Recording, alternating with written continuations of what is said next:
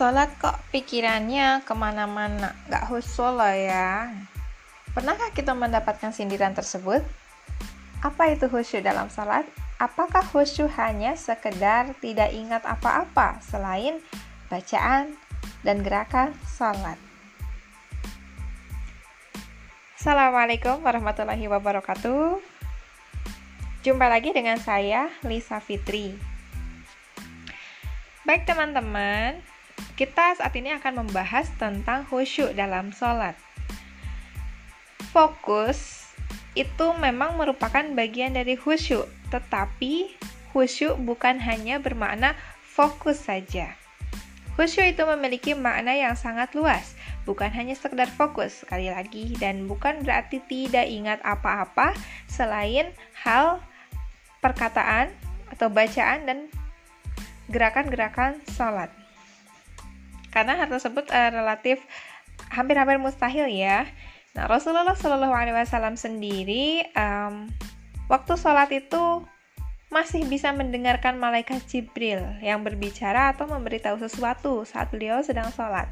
Ini ada dalam beberapa hadis ya, semisal uh, malaikat Jibril memberitahu supaya Rasul tidak dulu bangun dari ruku karena ada beberapa sahabat yang ingin ikut sholat supaya ikut uh, ke dalam rokaat tersebut begitu. Nah, sebetulnya teman-teman khusyuk itu memiliki beberapa tingkatan. Yang pertama, atau tingkat satu atau tingkat yang paling rendah adalah kita sholat dengan gerakan dan bacaan sesuai tuntunan Rasulullah Shallallahu Alaihi Wasallam. Kita tahu bahwa sujud itu memiliki tujuh anggota badan yang harus nempel ke lantai atau yang nempel ke bawah begitu bukan berarti diangkat. Kemudian kita juga tahu bahwa saat sujud harus membaca Subhana rabbiyal a'la wa bihamdih atau Subhana rabbiyal a'la.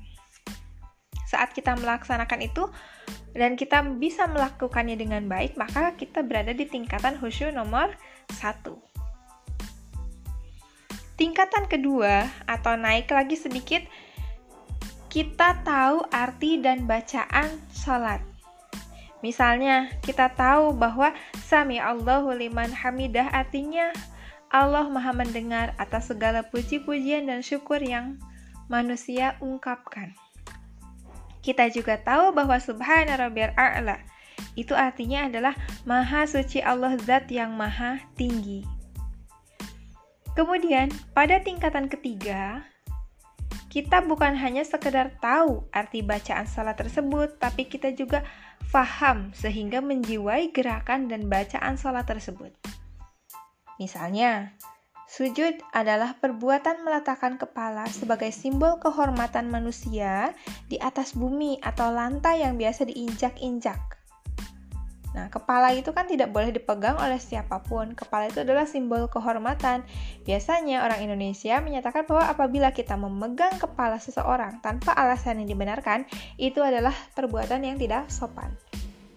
Nah, coba bayangkan kepala yang merupakan simbol kehormatan ini kita simpan loh di tanah atau di lantai yang biasa kita injak-injak dengan kaki. Dan seraya mengucapkan Subhana rabbiyal a'la wa bihamdi. Yang artinya apa? Maha suci Allah zat yang maha tinggi. Nah, saat itu manusia eh, saat sujud berarti memahami bahwa sekeren-kerennya manusia ada yang lebih keren lagi. Siapa? Itu Allah. Sekaya-kayanya manusia ada yang lebih kaya lagi yaitu Allah sepintar-pintarnya manusia ada lagi yang lebih pintar, yaitu Allah. Nah, apabila kita memang menjiwai gerakan sujud itu sebagai hal tersebut, berarti kehusuan kita ada pada tingkat ketiga. Nah, pada tingkat keempat, atau ini juga yang merupakan makna akimus sholah, sholat itu yang teraplikasi dalam kehidupan. Seseorang sadar kalau sujud yang dia lakukan ter teraplikasi dalam kehidupannya, berupa tidak pernah sombong atau tidak pernah jumawa. Karena segala sesuatu yang kita miliki hanya titipan loh ya. Dan kita tidak punya sesuatu pun untuk disombongkan.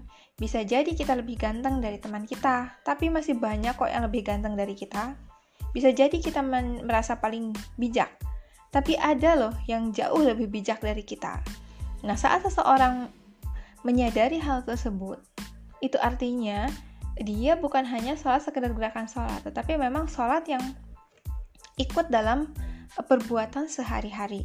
Menurut saya ini merupakan tingkat khusyuk paling tinggi dan merupakan makna akimus sholat yang sebetul-betulnya.